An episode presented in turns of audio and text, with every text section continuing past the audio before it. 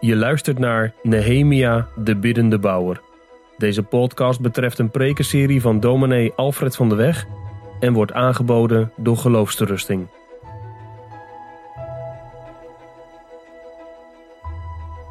Vorige keer hoorden we hoe er schouder aan schouder gebouwd werd aan de muur. Hoe Nehemia daar leiding aan gaf. Het lijkt allemaal heel voorspoedig te gaan. Totdat. En dan zijn we bij hoofdstuk 4. Nehemia 4. Het gebeurde toen Sambalat gehoord had dat wij de muur herbouwden, dat hij in woede ontstak en zeer geërgerd was. Hij bespotte de Joden en zei in tegenwoordigheid van zijn broeders en het leger van Samaria, wat doen die zwakke Joden? Zal men hen hun gang laten gaan? Ga ze offers brengen. Willen ze het vandaag nog klaar krijgen? Willen ze de stenen uit de puinhopen weer tot leven wekken, hoewel die verbrand zijn? En Tobia de Ammoniet stond naast hem en zei, ook al bouwen ze, als er slechts een vos opklimt, maakt hij een bres in hun stenen muur. En dan bidt Nehemia, hoor onze God, dat wij een voorwerp van verachting zijn, en doe hun smaad terugkeren op hun eigen hoofd. Geef hen over als buiten in een land van gevangenschap. Bedek hun ongerechtigheid niet. En laat hun zonde niet uitgewist worden van voor uw aangezicht. Want zij hebben u getergd tegenover de bouwers. Maar wij bouwden de muur, zodat heel de muur tot de helft ervan aaneengevoegd werd.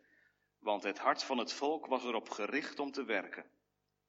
Het gebeurde toen Sambalat, Tobia, de Arabieren, de Ammonieten en de inwoners van Asdod hoorden dat het herstel van de muren van Jeruzalem vorderde en dat de bressen gedicht begonnen te worden, dat ze in hevige woede ontstaken. Zij spanden allemaal samen om tegen Jeruzalem te gaan strijden en verwarring te stichten. Maar wij baden tot onze God en plaatsten een wacht tegen hen, dag en nacht, vanwege hen. Toen zei Juda, de kracht van de lastdrager schiet tekort. En er is veel puin. Wij zijn daarom niet in staat de muur te herbouwen. Onze tegenstanders zeiden, zij zullen het niet te weten komen en het niet zien tot wij in hun midden gekomen zijn en hen doodgeslagen hebben. Zo zullen we het werk laten ophouden. Het gebeurde toen de Joden die bij hen woonden ons wel tienmaal vanuit alle plaatsen kwamen zeggen, jullie moeten naar ons terugkeren dat ik mannen opstelde op de laagste plaatsen achter de muur bij de open plekken. Ik stelde het volk op, ingedeeld naar hun geslachten, met hun zwaarden, hun speren en hun bogen.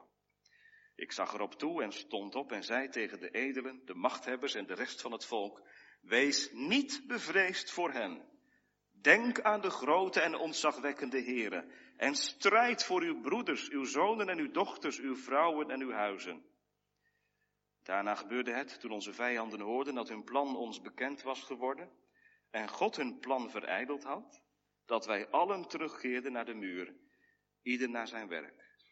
Vanaf die dag was het zo dat de ene helft van mijn knechten met het werk meedeed en de andere helft van hen de speren, de schilden, de bogen en de harnassen vasthield, terwijl de vorsten opgesteld stonden achter heel het huis van Juda.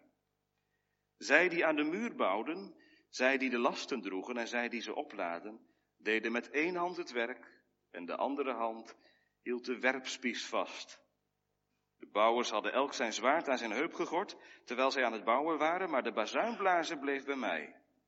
Ik zei tegen de edelen, de machthebbers en het overige volk, het werk is veel en uitgebreid. Wij staan verspreid over de muur, de een ver van de ander. Op de plaats waar u het bazuingeschal hoort, daar moet u zich bij ons voegen. Onze God zal voor ons strijden. Zo deden wij het werk. De helft van hen hield de speren vast, van het aanbreken van de dageraad tot het opkomen van de sterren.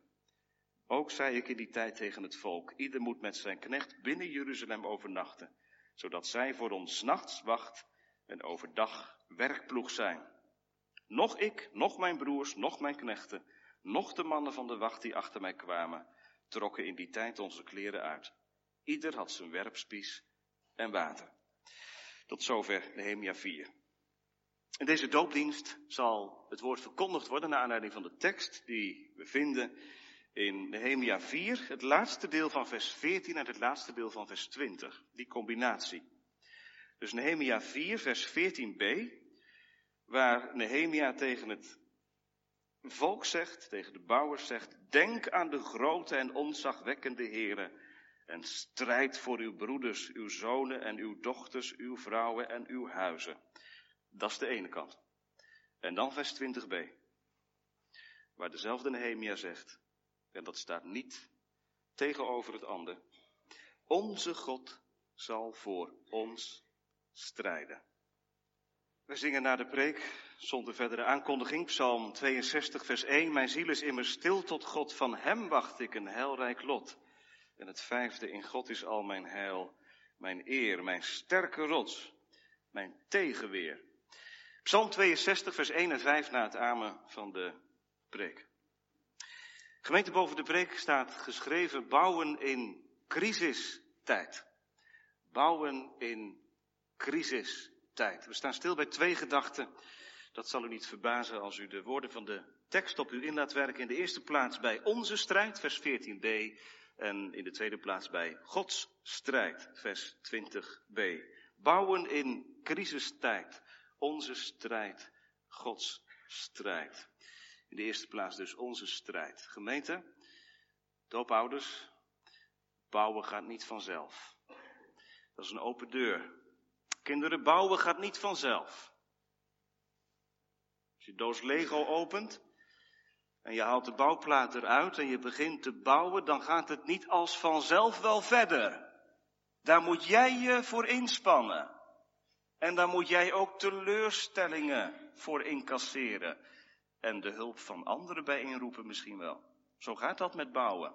En als u in de bouw werkt, dan vertel ik u ook niets nieuws, want bouwen gaat niet vanzelf, dat weet u ook. Daarvoor is inspanning vereist.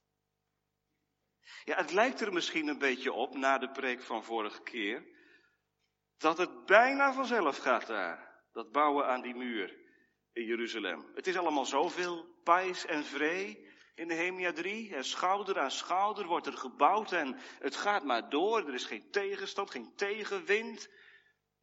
Voor je het weet staat die muur er. Ja, en dan dit hoofdstuk. Dat is wel de realiteit. Dat was toen de realiteit en dat is nu niet minder de realiteit. Als er gebouwd wordt op Gods bouwterrein, steekt er vroeg of laat een tegenwind op. Je zou wel kunnen zeggen dat is een wetmatigheid. Zo gaat het er aan toe. Zo gaat het er ook aan toe in de opvoeding. Daar hebben we het ook over gehad tijdens het doopgesprek, hoe, ja, hoeveel inspanning dat ook kost. En wat je moet incasseren, omdat zij iemand je de maat voor je gevoel niet en nooit haalt. Dat. Mocht er iemand zijn die, die zegt, ja maar God belooft zijn zegen toch. En ik snap dat niet zo goed dat u dat zegt, want Nehemia 3, dat gaat over die opbouw van de muur. Nou, de Heer wil dat toch. En als de Heer dat wil, dan, dan gaat het toch ook. En dan komt het er toch ook van. Nou, dat zal wel zo zijn, maar wie heeft gezegd dat de route naar de voleinding toe er een van gemak is? Dat is dus niet zo. En dat willen we niet altijd weten voor elkaar. Als we aan elkaar vragen hoe gaat het, dan zeggen we al heel snel goed. Hoe gaat het met de kinderen goed? Hoe gaat het met de opvoeding goed? Ik hoop dat de gemeente ook een plaats is waar je kunt en durft te zeggen dat het ook eens een keer niet goed gaat. Dat je weet, bij deze en gene kan ik terecht. Om te vertellen dat het nou even helemaal niet gaat zoals ik had gedacht. Of veel liever hou ik een mooi verhaal van morgen. Maar daarvoor komt u niet. U komt hier voor het eerlijke verhaal. Het eerlijke verhaal vanuit Nehemia. En dat ligt voor ons, Nehemia 4. Bouwen Niet als een voortkabbelend gebeuren. Maar bouwen door crises heen, door tegenstand heen, terwijl de tegenwind opsteekt. En de duivel rondgaat als een briesende leeuw. En wie weet, is dat voor u die luistert met pijn in het hart. Omdat u heel duidelijk ervaart dat bouwen aan het gezin niet vanzelf gaat en tegenwerking oplevert. Is dat wel een riem? Is dat wel een, een riem onder het hart? Een slag om de arm houden we deze morgen dus. Als het gaat om dat bouwen. Niet in eigen kracht. Alleen in zijn kracht. Ja, laten we maar kijken naar Nehemia 4. Wat gebeurt er? Samballat krijgt lucht van bouwen. Het is een oude uitspraak, maar wel waar, en het blijkt ook hier waar te zijn. Wat God zijn kerk bouwt, daar bouwt de Satan zijn kapel naast. Van welke kant komt de tegenstand? Er worden drie namen genoemd. Samballat wordt hier genoemd, Tobia wordt hier genoemd en verderop in een vorige hoofdstuk ook nog Gesem, de Arabier. En later komen daar vanzelf een aantal mensen bij die zich scharen achter dit drietal. Wat voor wapens gebruiken ze? Twee wapens. Twee wapens. Het eerste is het wapen van de spot, en dat lezen wij in het eerste gedeelte. Samballat bespot de Joden. En zegt, vers 2, in tegenwoordigheid van eh, de broeders en het leger van Samaria, moet je kijken wat ze aan het doen zijn. Wat een zwakkelingen. Denken ze dat ze binnen een dag die muur gebouwd hebben? Belachelijk. Daar zijn ze mee bezig. Ik weet niet of je er wel eens meegemaakt hebt. Spot. Kinderen. Op het schoolplein misschien. Dat iemand met jou spot. Met wat jij doet. De draaksteed. Spotten. Dat doet pijn, hè? Dat kwetst je. Nou, Tobia, die maakt nog even een goede grap eroverheen, vers 3. Ah, laat ze bouwen, ook al bouwen ze, vers 3. Als er een vos op klimt, stort die hele muur in elkaar. Wat een geweld met woorden. Hier is sprake van een psychologische oorlogsvoering om die bouwers aan de muur moedeloos te maken. Zodat ze stoppen met bouwen. En reken maar gemeente dat dit een uitputtingsslag is. Ook als het volgende wapen van stal wordt gehaald, het wapen van de woede. Want de bouwers gaan door, ondanks de spot. Zit ze niet in de koude kleren, echt niet, maar ze gaan wel door. En Nehemia bidt ook. Maar dan het wapen van de woede. Vers 7. Ze ontstaken in hevige woede. En vers 8, ze spanden allemaal samen om tegen Jeruzalem te gaan strijden en verwarring te stichten. Wat gebeurt hier? Zorgvuldig wordt ingespeeld door die tegenstanders op iets wat wij mensen met ons meedragen. Innerlijke onzekerheid. Gebrek aan zelfvertrouwen misschien ook wel. Angst dat het toch niet goed komt. En daar drukt de Satan op. Daar duwt de Satan op. Ook in 2018. Om verwarring te stichten. Dat lezen wij. Gemeente, wij leven in een verwarrende tijd. En waar doe je als ouders goed aan in de opvoeding van je kinderen? Weet u, weet u het? Weet jij het? Kunt u de kade schetsen? Oh, maar zo gaat het en zo gaat het. En als ze zes zijn, dan dit. En als ze acht zijn, dan hoop ik dat te, te bereikt te hebben. En, en zo loods ik ze door het leven heen. Ik heb er boeken over gelezen. En ik heb er ook wel ideeën over, gedachten over.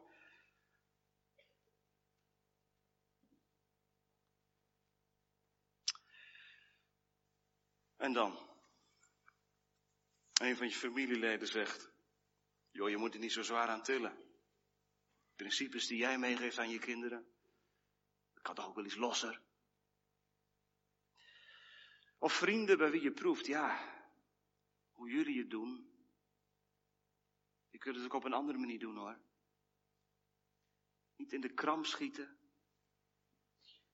Collega's die over de vloer komen en die met een minzame lach zien hoe jij alle mogelijke moeite doet om je kinderen bij te brengen. Wat hoort bij een leven met de Heer. En weer een ander zit met de stem van een vader of een opa in het achterhoofd, een zwaaiende wijsvinger. Als je dat doet, verwarring stichten, zodat het bouwen vertraging oploopt en liefst helemaal niet meer doorgaat. Probeert u zich een beetje in te leven in de Hemia en de bouwlieden. Hoe zullen ze zich gevoeld hebben? O God, dit was toch uw plan. Wij zouden toch hier naartoe moeten komen om te bouwen en dan nu dit. We kunnen ons toch wel voorstellen dat je hier vermoeid van raakt. Dat je op een gegeven moment hier zo moe van bent. Dat je zegt, hoe moet het verder? Nou, Juda is, is zo iemand. Hij zal spreekbuis geweest zijn voor velen. Hij zegt in vers 10, de kracht van de lastdrager schiet tekort. En er is veel puin, we zijn daarom niet in staat een muur te herbouwen. Volgoede moet begonnen. En zo gooi je het beltje erbij neer. Zitten hier mensen die, misschien jonge ouders, die volgoede moet begonnen, maar nu de kinderen groter worden zeggen. Ik weet het allemaal ook niet meer hoor. Is zo ingewikkeld. Ik hoor zoveel dingen. Waar doe ik goed aan? Nou, op dat punt, hè, op dat punt, in de crisis, springt Nehemia in de bres. Terwijl die tegendruk er is, komt Nehemia met zijn verhaal. Nee, niet met zijn verhaal. Geen pep talk, echt niet. Kijkt u in vers 14. Ik zag erop toe en stond op en zei tegen de edelen, de machthebbers en de rest van het volk, wees niet bevreesd voor hen, denk aan de groot en onzagwekkende heren. Nou, is dat het dan? Hier begint het mee. Dit is de bodem. Denk aan de groot en onzagwekkende heren. Dat is een uitdrukking die we al eerder zijn tegengekomen. In hoofdstuk 1 vers 5.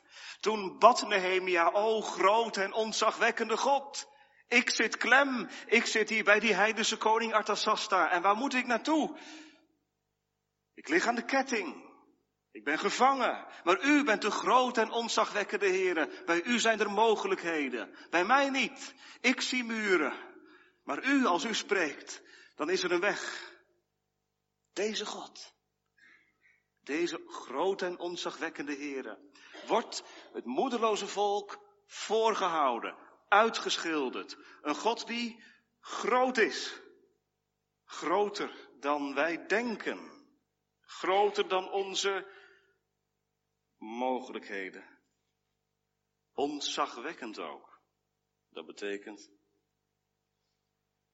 niet om van te huiveren en bij weg te lopen, maar ontzagwekkend in vermogen en kracht. Ouders, jullie kind is gedoopt. Betekent dat? Denk aan de grote en ontzagwekkende Here. De doop zegt niet alleen iets over onze kinderen, maar zegt allereerst en vooral ook iets over wie Hij is. Groot en onzagwekkend. Groot in wijsheid, als het jou aan wijsheid ontbreekt. Groot in trouw, als je faalt en ontrouw bent. Groot in kracht, als je je zo zwak voelt aan het begin van de dag weer de opvoeding ter hand te nemen en wat een ontmoedigingen. Kun je in het bouwen van je gezin niet tegenkomen. Ik heb het nu over het gezin, maar er wordt natuurlijk ook gebouwd in het persoonlijk leven. Als er is een omgang met de Heer, dan wordt er ook gebouwd. En daar vindt ook tegendruk plaats. Wat zet u er tegenover vanmorgen? Weet u wat de Heer er tegenover over zet vanmorgen? Denk aan de grote en ontzagwekkende Heer. Daarvoor kom je in de kerk. Niet om een aai over je bol te krijgen. Maar om dit weer voor ogen geschilderd te krijgen. Denk aan die grote en ontzagwekkende God. Zie, hier ben ik, zegt hij. Terwijl jij voor de dag moet komen. Met falen. Met strijd. Met onmogelijkheid, zegt hij. Maar hier ben ik. Is dat niet wat de dood bedoelt te zeggen? We hebben een God in de hemel. Die weet wat onze kinderen nodig hebben. En dat ze niet kunnen sterven zoals ze geboren zijn. Maar deze God is zo groot en ontzagwekkend dat hij alles meebrengt wat ze nodig hebben. En daar schakelt hij ons bij in. Als ouders. Groot en ontzagwekkend. Ik zeg er nog iets bij. Deze groot en ontzagwekkende Heere had een zoon. En die zoon heeft ook geleden. Heeft die tegendruk van de boze ook ervaren. Hij vond benauwdheid en droefenis toen hij over de aarde ging. En onder die hoge druk is hij aan het kruis gespijkerd. Mijn ziel is in beroering, zegt hij ergens. Vader, verlos mij uit dit uur, maar niet zoals ik wil. Zoals u wilt. Deze zoon koos ervoor. Nehemia koos er niet voor. Voor deze tegendruk, voor deze tegenslag, voor deze vertraging. Maar de zoon van God gemeente koos ervoor, van harte, vrijwillig. Zie, hier ben ik. Ik kom, o God, om uw wil te doen, al kost het me alles. Ik geef het aan u. En zo treedt hij op ons toe vanmiddag, vanmorgen. In onze nood en verlegenheid. In wat ik mis. Hij is je heil alleen. Denk aan de grote en onzagwekkende Here. Dat mogen wij ons te binnen brengen en het wordt ons ook nog eens te binnen gebracht, want we geloven in de Heilige Geest. En jullie kind is ook gedoopt in de naam van de Heilige Geest. Wij hebben dat heil niet naar ons toe te halen. Het heil wordt ons ook nog eens aangeboden en het wordt ook nog eens in ons hart uitgewerkt. Ik geloof in de Heilige Geest. Die Heilige Geest die het uit Christus neemt en het ons verkondigt. Dat is de garantie dat de poorten van de hel jullie kinderen niet zullen overweldigen. Dat is allemaal geen reden natuurlijk om over achterover te leunen. En zo bedoelt Nehemia het ook niet. En dat is ook niet het enige wat hij zegt. Denk aan de grote en onzagwekkende heren. Daar begint het wel mee. Maar van daaruit zegt hij strijd. Strijd voor uw broeders. Het leven is een strijd, gemeente. Je moet strijden om in te gaan door de enge poort. En het leven in de navolging is ook een strijd. Wij hebben geen strijd tegen vlees en bloed, maar we hebben de strijd tegen de overheden, tegen de boze machten in de lucht. Die strijd gaat gewoon door.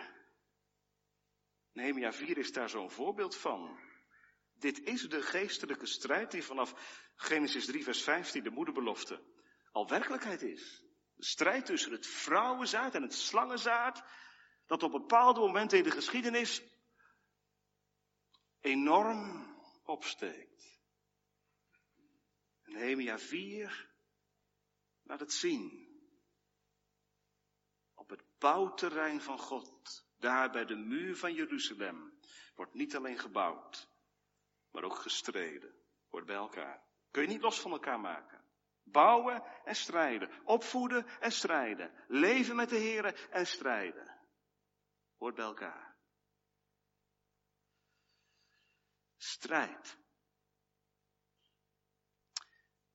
Wat zegt Nehemia? Dat is zo mooi. Strijd voor uw broeders, uw zonen en uw dochters, uw vrouwen en uw huis. Wat doet Nehemia? Nehemia laat zien dat de bouwlieden maar niet daar voor zichzelf staan.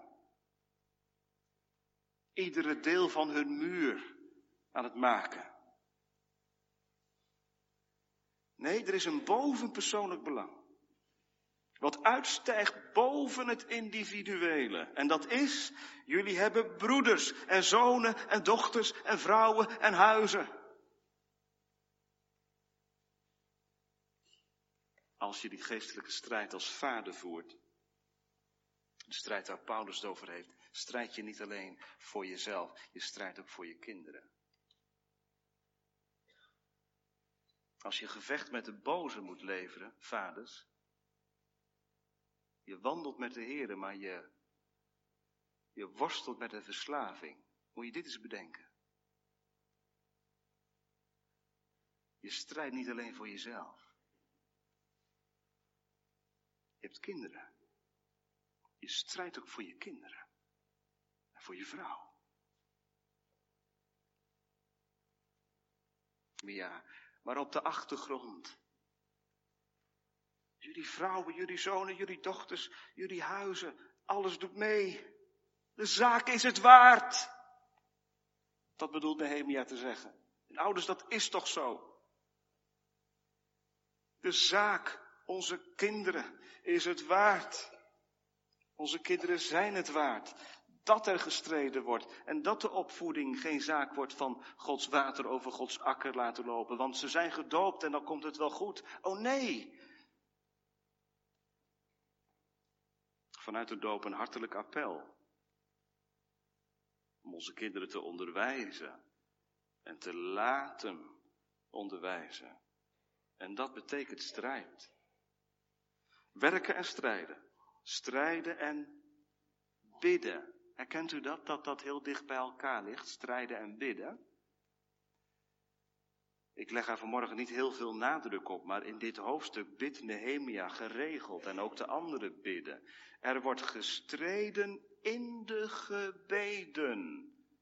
Kinderen, bij strijd denken wij misschien aan oorlog, aan wapens, aan geweld. Maar als de Bijbel het heeft over strijd, over strijd in de gebeden, dan bedoelt ze deze strijd. De strijd die je al biddend doormaakt. O God, verlos mij van de boze. Laat uw koninkrijk komen. Uw wil geschieden. Dat is de weg die Paulus later wijst als hij in de geestelijke strijd de christenen bemoedigt. En hij zegt, strijd ten allen tijden in de gebeden.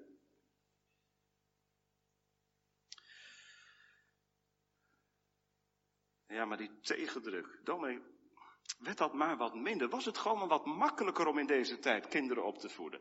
Ging het gewoon wat eenvoudiger? Was het maar niet zo ingewikkeld in alle keuzes die je moet maken? Dat snap ik en ik herken dat ook zelf. Maar weet u, ik heb gedacht in de voorbereiding. Als we alleen de Hemia 3 in de Bijbel hadden staan, dan zouden we een prachtig verhaal kunnen houden en iedereen zou vanmorgen zeggen, ja, dat herken ik niet. Een prachtig verhaal dat het allemaal haast als vanzelf gaat en dat het in de gemeente allemaal vanzelf gaat en goed komt. En dat het in de gezinnen goed komt en dat het in je persoonlijk leven goed komt, als je maar gelooft. Maar Nehemia 4 laat ons heel duidelijk zien, zo, zo dus niet. Er moet veel strijd, gestreden zijn. Wil het echt vrede zijn? En het maakt ook dat wij niet triomfantelijk worden. Dit is rijpend en vormend voor die bouwers daar. Dit is opbouwwerk in de armoede. Opbouwwerk waarbij we voortdurend aangewezen blijven op Hem, die Nehemia er naartoe stuurde om te bouwen.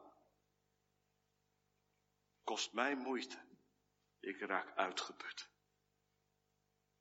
Maar meer dan ooit raak ik ervan doordrongen. Heer, Waar dan heen? Tot u alleen. Het lijkt allemaal zo armetierig, onze opvoedingen. Zet het zoden aan de dijk. Misschien zijn er ouders die dat zich afvragen. Wat heeft het voor zin uiteindelijk? Ze horen zoveel tegenreacties.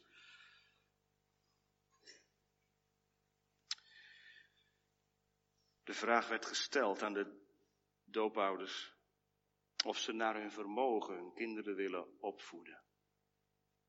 Van jullie wordt inspanning gevraagd, uiterste inspanning, maar het blijft toch altijd naar je vermogen. Waarom? Omdat jullie strijd Gods strijd is. Onze laatste gedachte. Onze strijd, Gods strijd. Opmerkelijk hè, dat dat in één hoofdstuk naast elkaar gezet wordt. Dat Nehemia kan zeggen, strijd! En dat Nehemia kan zeggen, onze God zal voor ons strijden. Is Nehemia in de war? Oh nee. Dit staat naast elkaar. Naast elkaar. Onze God zal voor u strijden.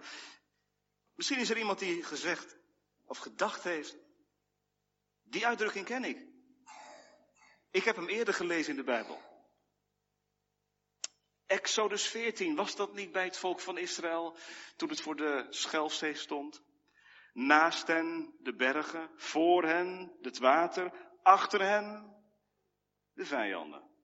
En toen zei Mozes niet, nou ja, nou is het voorbij. Ja, het volk zei wel, waren we maar in Egypte gebleven, want dit loopt verkeerd af. Wat zegt Mozes dan? Sta stil. Zie, het heil is des Heren. Onze God zal voor ons strijden. Ja, hoe dan? Dat mogen we aan hem overlaten. Onze strijd is Gods strijd. Wie aan Gods kant staat, mag rekenen op zijn bescherming en bewaring.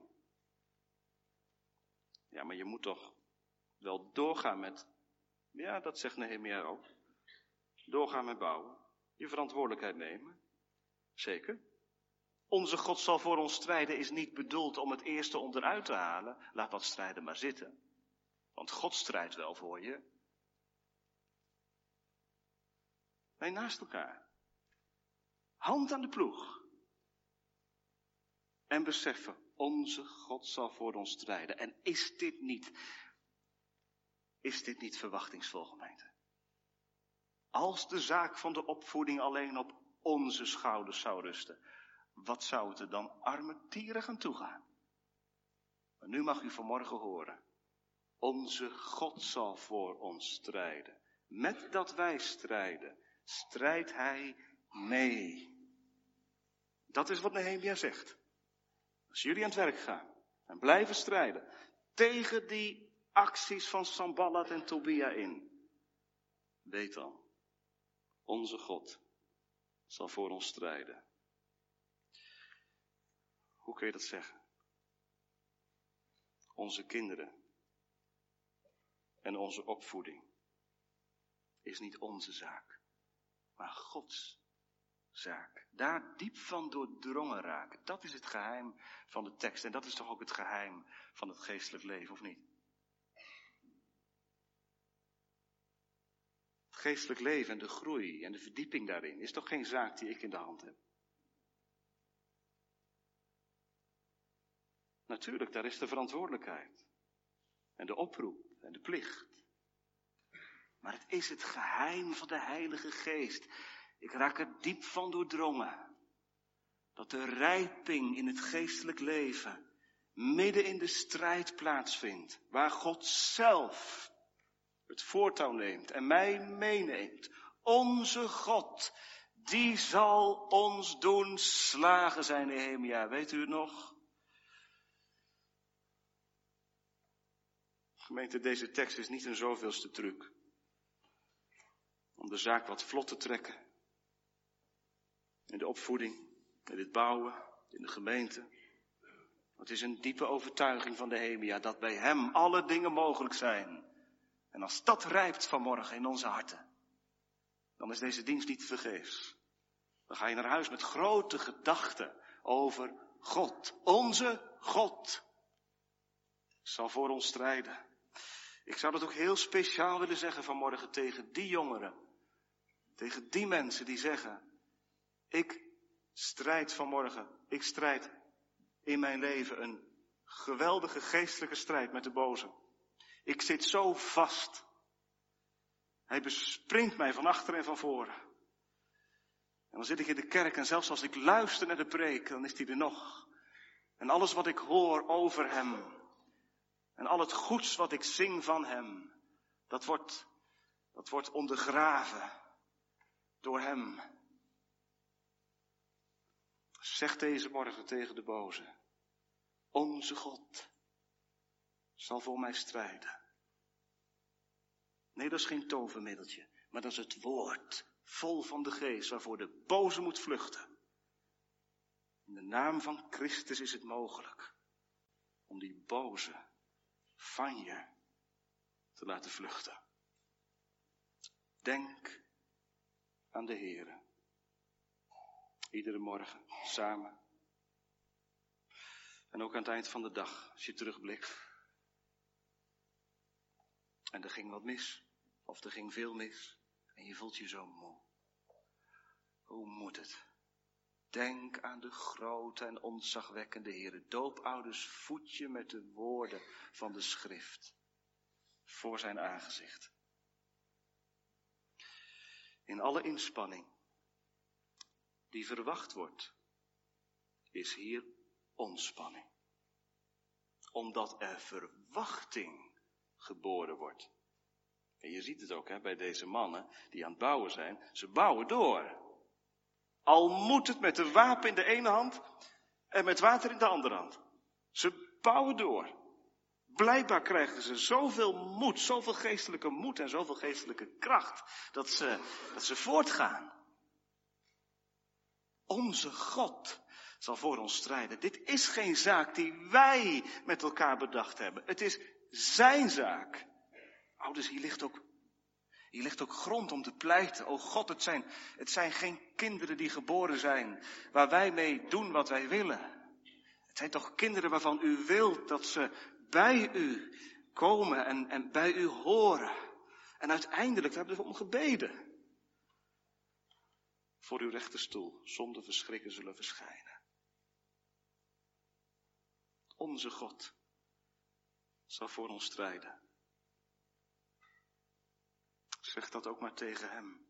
In alle pijn die je ervaart als ouders, als kinderen er niet meer zijn vanmorgen. Als je handen tekort zijn. Onze God zal voor ons strijden. Het geloof zegt niet, het komt allemaal wel goed. Het geloof zegt wel, rust mijn ziel uw God is koning. Alles wisselt, alles verandert, maar Hij niet en daar mag je maar houden. Onze God zal voor ons strijden, al begrijp je er niets van. God is een toevlucht, gaan we straks zingen. Weet je wanneer? Als ik door droefheid kwijn. Als ik de grond onder mijn voeten voel wegzakken. Als ik benauwd ben. Als de boze actief is. God is een toevlucht. God is een sterkte als ik door droefheid helemaal in elkaar zak. Dan, dan blijkt Hij te zijn de trouwe God, het schild dat mij bevrijdt. En zo wordt er gebouwd. Er wordt doorgebouwd. Daar aan Jeruzalems muur. Hier in jullie gezinnen. Wat is de reden? Immers is mijn ziel stil tot God.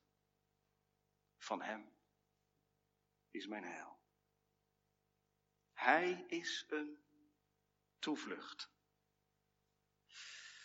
Ouders, met deze woorden en met deze God gaat het, al gaat het niet. Als je begrijpt wat ik bedoel. Het gaat omdat Hij erachter staat. En hij ervoor zorgt dat met zijn kracht en zijn genade ons zwakke en beperkte opvoeden gedragen wordt. Hoop op Hem. Onze God zal voor ons strijden. Amen.